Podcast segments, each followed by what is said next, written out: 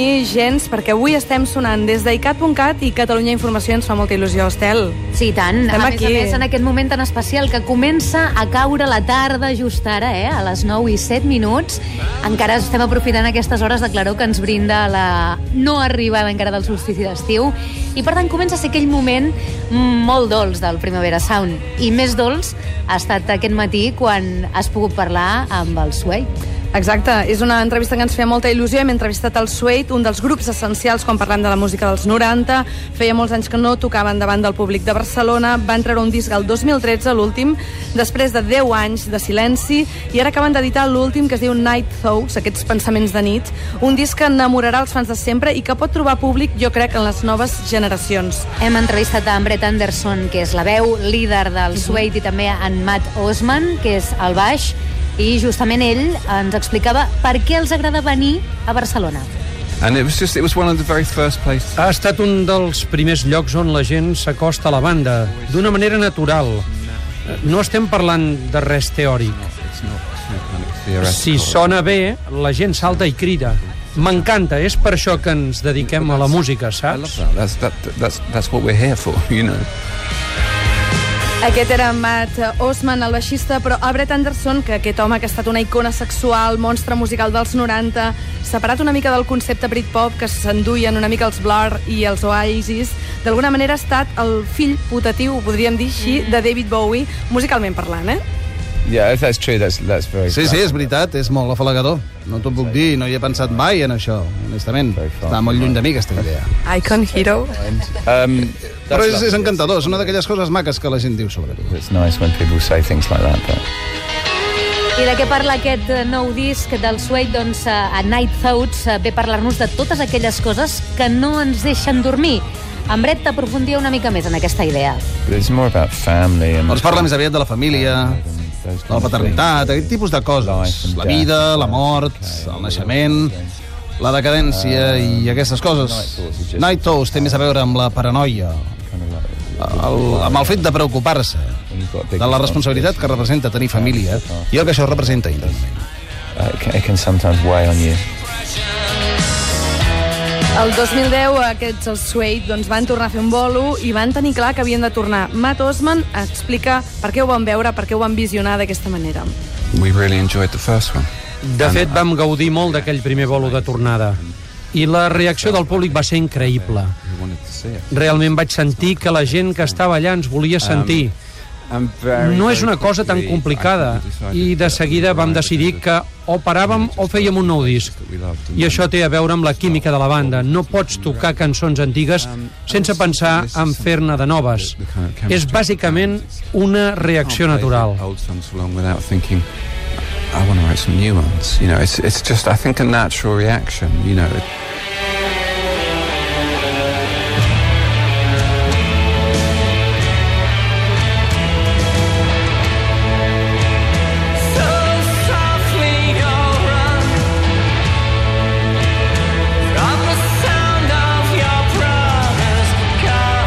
Doncs sobre aquest episodi, quan van decidir eh, retirar-se durant un temps, plegar de Suede, eh, Brett Anderson explicava en quina situació es trobaven en aquell moment, aquell moment en què van decidir plegar, això era l'any 2003, i com tota banda de llarg recorregut doncs, va tenir aquest episodi que recordava Brett Anderson.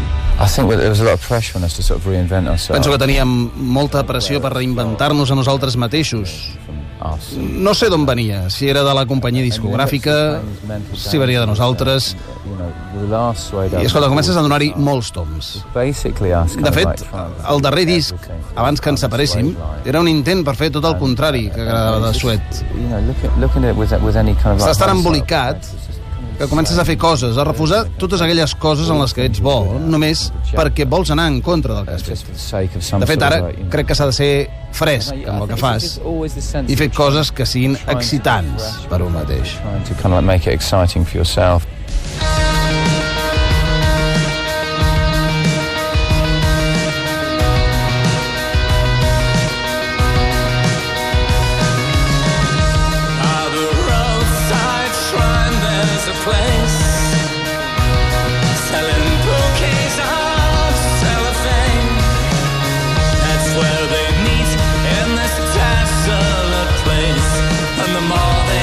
Força els havíem de preguntar per Bowie, eh, per David Bowie, perquè Brett Anderson sempre s'ha considerat el fill directe, sobretot d'aquell Bowie dels 70. They were kind of the gateway Era una drug. espècie de droga per nois com jo. I són aquests tipus de discos que encara m'agraden, saps? Lou Reed, Patti Smith, Kraftwerk i coses com aquestes. Formen part de l'educació musical d'un home i que no es pot perdre qualsevol persona que estimi la música. Anyone who really likes music. Aquest home que parlava era el Matt Osman, però evidentment el Brett, que no ha estat gaire explicatiu, perquè jo crec que li dolia més del que volia expressar, ens ha dit això. I, I sort of generally can't really No, answer. no puc ni, ni tan sols respondre al dol que representa la mort de Bowie. És, és impossible, és un dol incommensurable el que representa, és, és molt trist. Yeah, it's very sad. I un altre dels punts forts de Suede i de Brett Anderson en particular són les lletres. Uh, S'ha dit alguna vegada que ell no reconeixia les lletres dels seus primers discos. També li han preguntat sobre això i responia així. A lot of respect for the for, for El sento prou, prou respecte per aquelles lletres. Penso, ostres, són prou bones. Tant de bo pugui tornar a escriure una lletra i igual de bona, penso. It takes a lot longer now to ja fa molt de temps d'aquell material. Aquells temps han passat i també aquell món fosc que retrataven. Però sí que em reconec. Reconec el sentiment d'on venen. I kind of do recognise it. It's sort of, you know, I do recognise where they came from.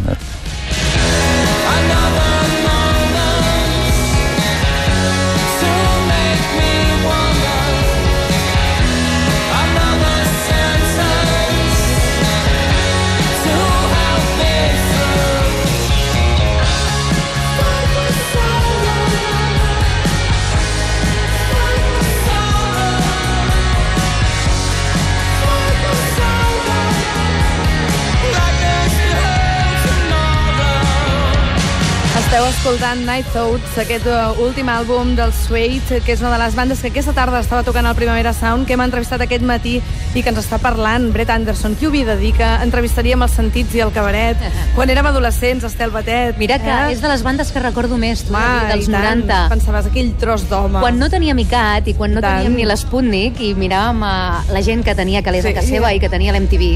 Exacte. Miràvem alguns uh, videoclips. Jo recordo especialment els de Suede.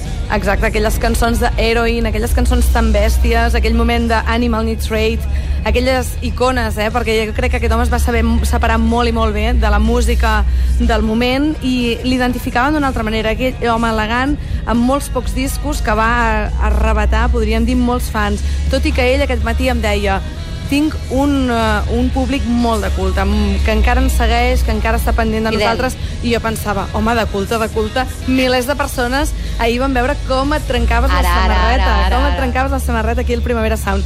Aquesta tarda, de fet, ara just acaben de tocar a l'auditori, Amb un concert molt diferent que el d'ahir. molt més però íntim.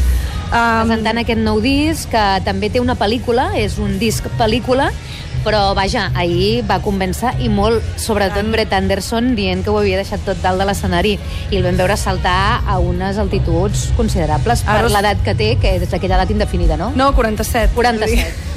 No, ho hem mirat, ho hem clar, mirat, ho hem per mirat. mi és sempre que està igual, gairebé. Aquell home tan famós, que més va fer famós per explicar que era bisexual, però que encara no havia tingut mai cap relació homosexual. Era Es va fer bisexual fam- de mentalitat. Sí, suposo que sí. Està casat, té dos fills, ara és pare i justament en aquest disc parla de la parenthood, que és la Ah, paternitat. ja. Eh? El bret de les drogues dures, les cançons sobre sexe i la mala vida s'ha acabat, ara aquest senyor és pare i li demanàvem aquest matí si es pot ser pare i rockstar i, i endivina què ens ha dit. Ai, Um, I'd like to try it. Ho yeah. intento, intento aconseguir-ho. Yeah. De fet, parlar de rockstar és un concepte cool, és una espècie de personatge, saps? You know, I'm kind of like, Jo no sóc la mateixa persona quan estic amb la meva família i el tipus de persona que sóc. Quan estàs dalt de l'escenari ser extraordinari. Um. Has de ser millor. Però sí, crec, crec que és possible. same Sort of thing. But yeah, I think it's kind of possible. Like, vaja, que tampoc no, no descobreix la sopa d'all, Brett Anderson, perquè No. això ens passa a tots una mica, que som un personatge diferent en funció de quin Però quin personatge, eh? Quin personatge a l'escenari i quin personatge a l'altra banda, eh? Com a pare o com a rockstar? Home, jo no sé si es va eh, estripant les, les camises quan, eh, quan està a casa seva. Potser oh, sí. Esperem que no, perquè li sortiria la broma una mica cara. Però vaja, a mi m'interessava saber, tu que els has tingut a davant, eh, Sí. amb ells dos, com, com els has vist? Els he vist que són uns senyors que s'han...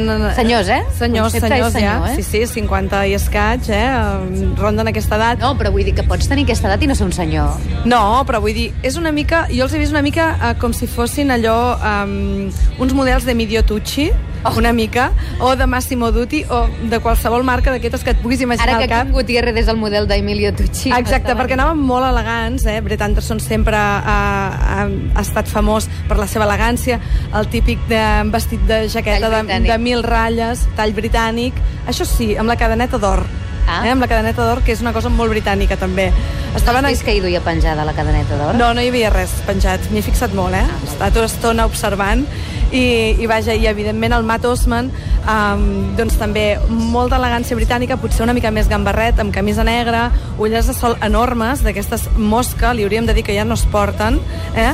I, però vaja, els dos són ja unes persones que nosaltres pensem que tenim una altra història, per exemple, aquí amb la música, una altra relació. Aquí eh, la música comercial d'Anglaterra en, aquí és la música indie, i és la música estranya, és la música petita, que se sent, per exemple, en emissores com icat.cat, però allà, si tu treballes en un supermercat, per exemple, el normal és que el teu David Bisbal eh, Clar. sigui Brett Anderson, Clar. i no estic dient una animalada. Per tant, um, la dimensió de la música en aquell país i el nostre és molt i molt diferent. Però per això ell també suposo que diu al públic culte, no? Perquè si ve a fixar-se aquí, a més a més, amb un festival com el Primavera Sound que veu molt del Britpop, no? que són els seus grans referents, i Suede jo crec que dintre del, del Britpop eh, és, és dels principals que podien portar. No s'ha d'oblidar que els directors d'aquest festival voregen la quarantena i per tant són gent que van... Emocionalment els hi toca. Emocionalment els hi toca. Per tant, les bandes, el cartell que normalment triomfa el Primavera Sound és una mica doncs, totes aquestes bandes que en aquell moment van triomfar. Estem parlant doncs, de la PJ Harvey, que és una dona que ha vingut mil vegades aquí, i de bandes d'aquestes que repeteixen i repeteixen, perquè evidentment és el públic i és amb els, que, els músics amb els que ells es van emocionar. També tot el món grunge, Dinosaur Junior, Shellac, Pixies, són bandes que han vingut durant anys al Primavera Sound. No és casualitat, aquí la gent ens fem les coses a mida. Oh, no, és clar, és clar. I està... eh, eh, Mira, al principi de- d'entrar aquí he parlat amb un noi justament català, que a vegades costa trobar públic català, perquè entremig de tant d'estranger, quan sents algú que parla català, li dius, home, i li he preguntat que què era per ell el Primavera Sound, no? i ho sentíem just en començar el programa. I ell deia, diu, a més a més és un festival que ha crescut amb mi, diu, perquè jo, que ja m'acosto als 40, doncs trobo que és com si m'haguessin dissenyat el programa, el cartell dels grups que a mi m'agradaven d'adolescent i a més a més li sumem la música d'ara les descobertes que gent que ens agradava aquest tipus de música, aquests grups, doncs en què han derivat? Han derivat amb els grups nous d'ara, que també els porten en aquest cas al Primavera Sound. De fet, nosaltres estem parlant ara i també hi ha una part nostàlgica molt clara en el Primavera Sound, que és com quan algunes bandes reprodueixen àlbums antics. Per exemple, Air ara mateix està tocant a l'escenari H&M Sí, després i està tocant justament a. Music for Museum, que és un disc del 2014 i que això també explica coses. Sembla que el 2014 fa dos dies, però ja, en fa, ja fa dos anys Sí. i era justament una obra que van fer especialment per un museu de l'illa i, i etc. Vull dir que aquestes coses passen al Primavera Sound, les estem vivint i us estem explicant des de Catalunya Informació i des de cat.cat, eh? Jo ho recordo, Sí, no, perquè no, hi ha no, gent que de deu, recordar. deu sintonitzar ara i deu dir, què està passant No, o potser no pot tenir la FM a mà i, I pot tant. tenir internet a mà.